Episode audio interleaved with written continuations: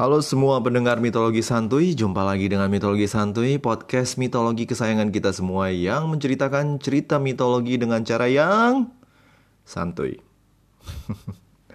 Oke, sebelumnya gue minta maaf karena minggu lalu gue nggak um, update episode terbaru dari mitologi santuy. Jadi ceritanya gue udah selesai season 3 dan gue butuh inspirasi. Jadi gue rest dulu dan mencoba membaca-baca sumber-sumber mitologi Yunani yang baru supaya gue bisa nuangin ke podcast kesayangan kita ini. Nah, ternyata udah nggak terasa ya sekarang waktu berlalu. Udah hampir setahun gue mulai podcast ini dan so far sekarang gue udah punya 676 subscriber di Spotify. Wow, nggak nyangka loh. Terima kasih buat teman-teman ya yang udah bareng gue menjelajahi dunia mitologi Yunani dengan konteks gue sendiri dengan konteks santuy dan juga terima kasih untuk para supporter yang udah dukung gue di traktir dan traktiran kalian ini sungguh bikin gue lebih semangat untuk membuat episode-episode selanjutnya. Oke, mari kita lanjutkan episode selanjutnya dari petualangan Hercules.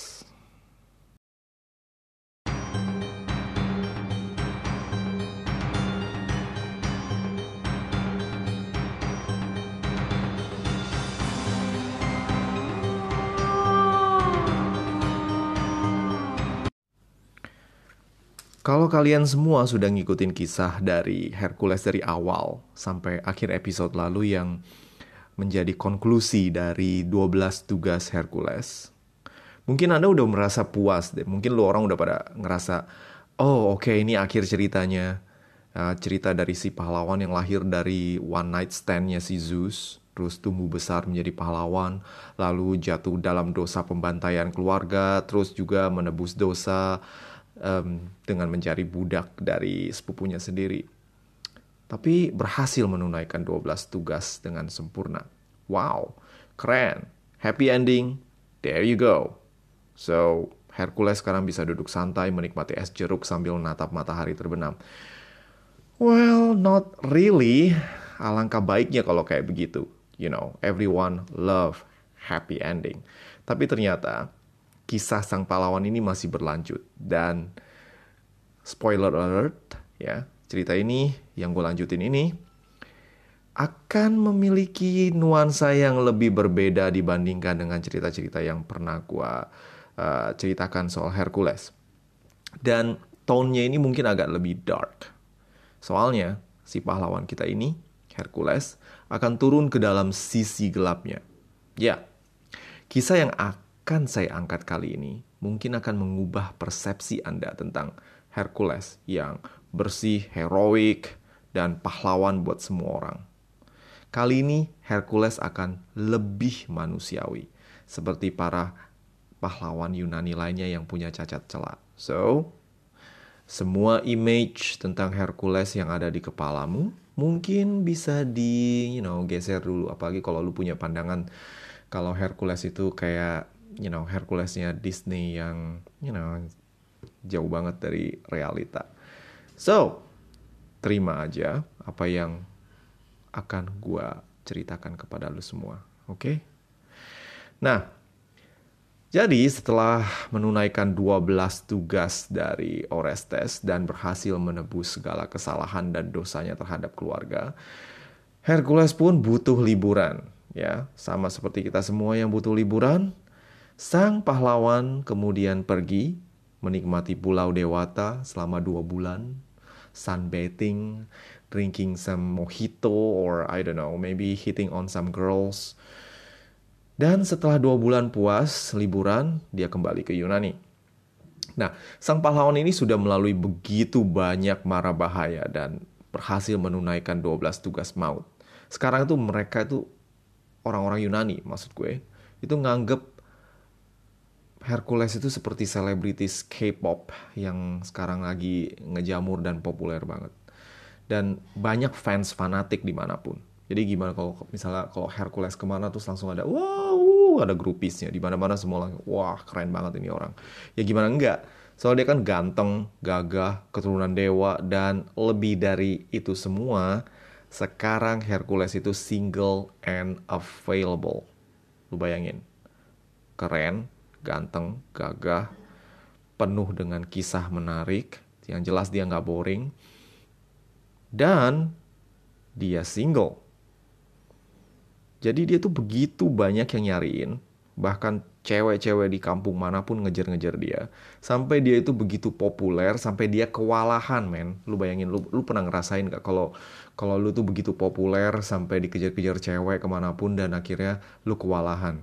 Kalau gue sih kagak dan Hercules ini uh, memilih untuk menyepi di pulau ya di satu pulau di laut Agea Agea ya karena you know banyak cewek-cewek yang ngejar-ngejar so dia ngerasa kayaknya okay I need to have a time off. Too many. Too many. I cannot take it anymore. Dan akhirnya dia itu you know menyepi tinggal di pulau sendirian. Nah selama berbulan-bulan dirinya menikmati hidup santai namun you know akhirnya dia juga merasa bosen karena sendirian nah dia ngerasa ada satu rongga besar di hatinya yang tidak bisa dipuaskan dengan segala yang dilakukannya selama beberapa bulan belakangan. Ya emang sendirian, mancing, tidur siang, nyantai-nyantai. Emang happy banget kayaknya, tapi lama-lama juga bosen. Akhirnya dia butuh sesuatu untuk nemenin dia. Butuh sesuatu untuk occupy his mind. Nah, saat dirinya sedang berbaring merenung tentang kehidupannya di masa lampau, Bang Jago kita ini teringat akan kehangatan istri dan keluarga bagaimana dirinya menemukan kasih sayang dari istri yang dicinta dan selalu ada gelak tawa anak-anak yang menemani. Nah, walau hidup itu terasa membosankan dan penuh dengan rutinitas waktu itu, dirinya ini ngerasa bahagia. Jauh lebih bahagia dari sekarang. Ya, gue butuh istri. Gue butuh seseorang untuk nemenin gue jalanin hidup. Oke, Gue nyatakan sekarang, gue deklarasikan Hercules butuh bini dan Hercules akan nyari bini. Demikian Hercules membulatkan tekadnya. Dirinya butuh pendamping dan Iolaus, you know, sepupunya yang dulu ngebantuin dia ngebakarin kepala Hydra, oh sorry, lehernya Hydra, datang dari daratan Yunani dan membawa kabar baik untuk Hercules. Ternyata seorang raja yang bernama Eurytus dari Ocalia, ya dia juga dulu pernah ngajarin Hercules panahan waktu remaja. Ingat gak? Gue dulu pernah bilang kalau Hercules ini dilatih oleh Raja Eurytus dari Oroke, Ocalia. Dan Raja Eurytus ini adalah keturunan dari Apollo, anak langsung malah. Jadi jago manah gitu. Nah, si Raja Eurytus ini sedang mengadakan kompetisi memanah untuk mencari menantu yang ideal buat anaknya yang bernama Iole. Nah, Iole ini terkenal cantik jelita, hot abis, dan juga masih single. Bapaknya ini pengen cari pemanah terbaik untuk meneruskan reputasi keluarga yang masih keturunan dari Dewa Apollo. Nah, Hercules itu sudah kenal dengan um, Iole sejak kecil. Dan dia menganggap, hmm, oke, okay, why not? Yola is cute and probably a potential good wife. Dan juga bapaknya Yola itu kan gurunya gue. Masa iya gue nggak uh, nggak diterima? Lalu Hercules pun ikut serta dengan you know di kompetisi ini. Dan tentu saja skill Hercules yang sudah mumpuni itu dan juga punya koneksi guru murid dengan Raja Eurytus bikin dia itu pede banget bakal menangin Iole sebagai istri. Hercules langsung pergi menuju Oekala dan turut serta dalam kompetisi ini. Of course, you know, seperti di cerita-cerita kepahlawanan, Hercules itu tidak mungkin terkalahkan dalam kompetisi memanah ini. Satu demi satu lawannya kalah mengenaskan melawan Hercules yang walaupun nggak menggunakan panah, Hydra andalannya berhasil memenangkan kompetisi dengan sempurna, dapat nilai 100. Jadi kalau misalnya kalau dia lagi manah nih, udah kayak film Hmm, kalau lu seusia gue mungkin lu tahu film Robin Hood, you know. Jadi ada panah terus dipanah lagi, dibelah oleh panahnya ya kayak gitu deh. Ya jago banget. Nah, Hercules menang dan pada saatnya dia mesti dapat hadiah yaitu Iole sebagai istri. Raja Eurytus tiba-tiba menolak memberikan Iole sebagai istri Hercules. Dan dia bilang, Hercules tidak layak menyunting anaknya sebagai istri. Of course, Hercules kaget dan sangat kecewa. Tapi Suhu, aku kan menang Suhu. Lagian aku kan murid Suhu, masa Suhu gak mau aku jadi menantu? Ayolah Suhu, eh papa.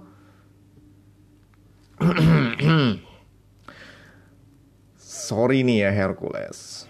Maaf-maaf nih kamu memang pahlawan terkenal, terus juga putra Zeus. Tapi kamu juga bunuh istri, bunuh anak.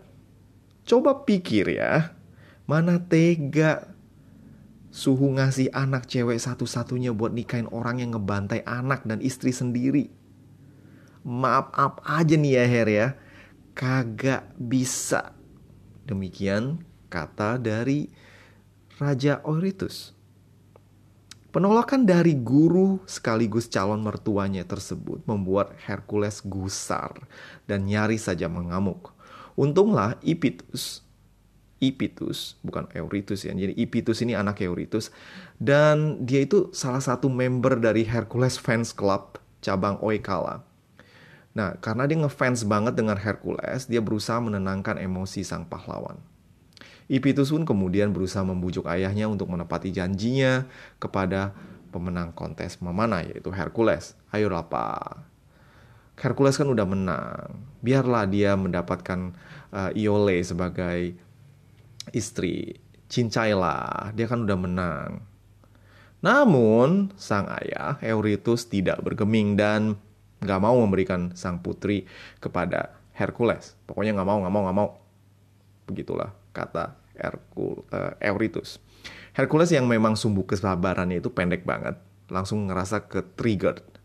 Langsung dia memaki-maki dan sumpah serapah serta acungan jari tengah ke Eurytus pun langsung diberikan sambil berjalan keluar dari istana sang raja.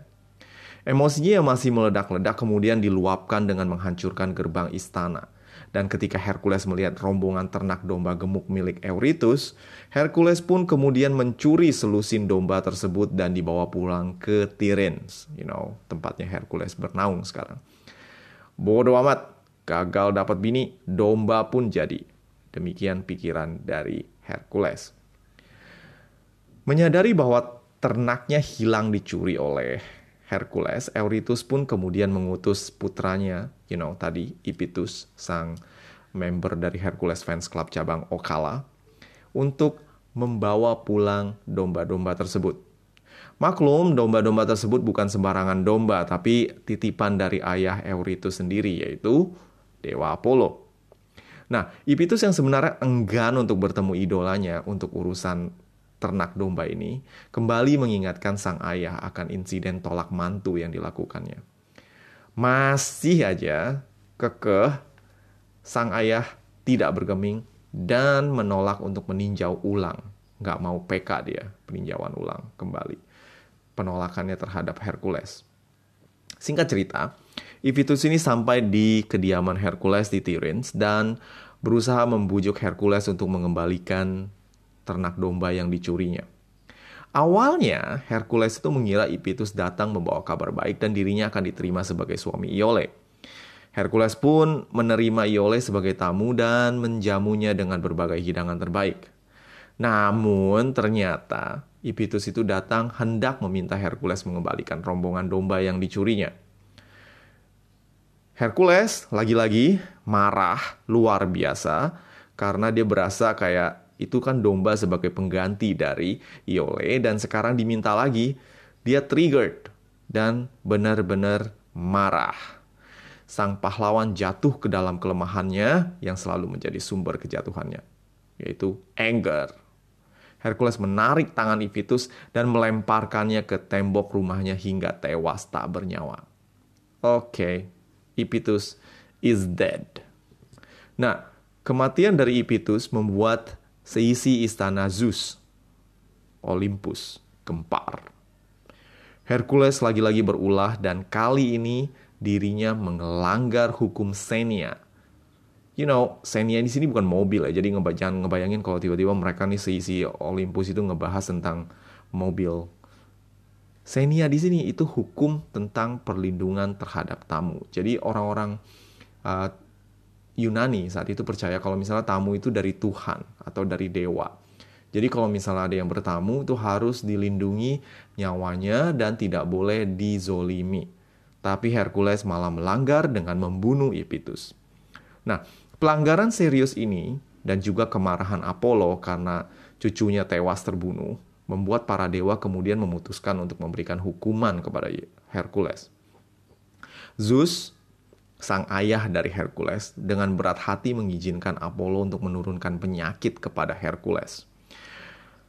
Sang pahlawan kemudian terserang sakit kepala yang hebat dan tak tertahankan walaupun sudah minum Panadol 2 strip. Nah, setelah mengunjungi seorang pendeta dari kuil Athena, Hercules pun kemudian mengetahui bahwa dirinya tengah dihukum oleh para dewa dan harus menjalani suatu ritus penebusan dosa yang dipimpin oleh seorang raja. Ya, kayak dulu ketika dia harus menebus dosa karena membunuh anak sama istrinya dan mengabdi kepada Orestes. Tentu saja, Hercules tidak kembali menghadap Orestes yang masih kesel karena dipermalukan oleh Hercules. Hercules memilih untuk memohon bantuan dari Raja Neleus dari Pilos untuk memimpin ritus penebusan dosa dan membebaskannya dari kutukan para dewa. Nah, Raja Neleus ini terkenal bijak dan juga sangat, uh, you know, sangat baik hati. So, dengan reputasi seperti ini, Hercules mestinya nggak dapat masalah karena dia sudah memilih, sudah bertobat dan pengen, you know, ditebus dosanya. Tapi lagi-lagi, entah memang Hercules lagi apes atau gimana, Neleus ini ternyata merupakan sohib baik dari Raja Eurytus. Dan karena Raja Eurytus ini adalah sohib baiknya, tentu saja Neleus menolak mentah-mentah permintaan Hercules dan mengusirnya dari Pilos. Eh, Ipitus itu udah kayak anak gue sendiri. Lu main lempar ke tembok sampai pengek kayak cicik-cicek, kejepit pintu. Dan lu mau datang ke sini buat nebus dosa, lu mati aja dah lu. Demikian kata Neleus mengusir Hercules yang lagi puyang tujuh keliling keluar dari istananya. Hercules pun kemudian kembali mengacungkan jari tengah kepada Neleus sambil berjalan pergi meninggalkan raja yang masih bersumpah serapah di belakangnya.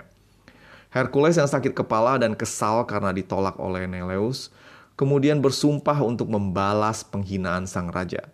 Dalam pelayarannya kembali ke daratan utama Yunani, Hercules menandai orang-orang yang kelak akan menerima api balas dendam dari dirinya. Eurytus karena menolaknya menjadi mantu, Neleus karena menolak untuk menyucikan dirinya dari kutukan dewa, Augeas karena menolak membayar setelah dirinya capek-capek cuci kandang sapinya yang nista, dan juga Laomedon yang menolak membayarnya setelah Hercules bergulat melawan monster laut demi membebaskan Hesione, putri dari Laomedon. Eurytus, Neleus, Augeas, Laomedon. Hercules terus mengulangi nama-nama orang yang telah berbuat solim kepada dirinya bagai Arya Stark dari Game of Thrones. Mereka akan membayar mahal kelakuan mereka. Huh, Demikian kata Hercules sambil menggertakkan giginya. Hercules kemudian sampai di, rata, di dataran utama Yunani dan sang pahlawan yang lagi migrain tersebut langsung berjalan menuju Delphi, tempat Oracle Apollo bersemayam. Dan merupakan tempat sejuta umat bagi orang-orang yang mau mencari petunjuk tentang berbagai masalah hidup. Hercules kali ini berusaha menenangkan dirinya dan berjanji pada dirinya sendiri untuk bersabar dan tidak terpancing oleh amarah yang selalu menempatkannya pada posisi sulit. Nah, pada saat itu, Oracle Apollo bernama Senoclea.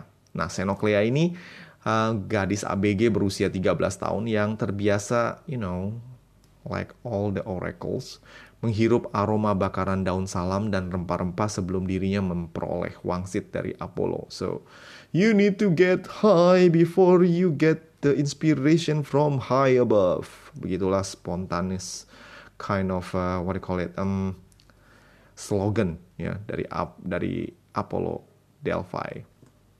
Nah, Hercules itu sampai di hadapan Xenoclea dan berlutut dengan penuh rendah hati.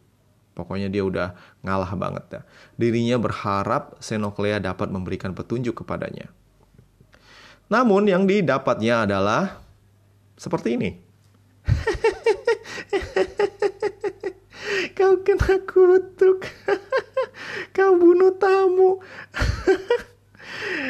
Kami nggak bisa kasih kamu informasi apa pun sebelum dirimu nebus dosa. Apa sih Hercules? Iya, yang mulia Oracle. Itulah sebabnya aku datang ke sini berlutut di hadapanmu. Aku ingin mencari tahu bagaimana aku menebus dosaku, kata Hercules dengan penuh kerendah hatian. Namun, Xenoclea berjalan pergi sambil membawa tripod keramat Apollo, simbol Oracle Delphi yang diagungkan itu. Kali ini Hercules kehilangan kendali. You know, ABG yang gak mengindahkan dirinya, nyuekin dia sambil pergi begitu saja tanpa menjawab apa pun, membuatnya itu kembali triggered. Hercules pun bangkit dari posisi berlututnya dan berlari menerjang Xenoclea.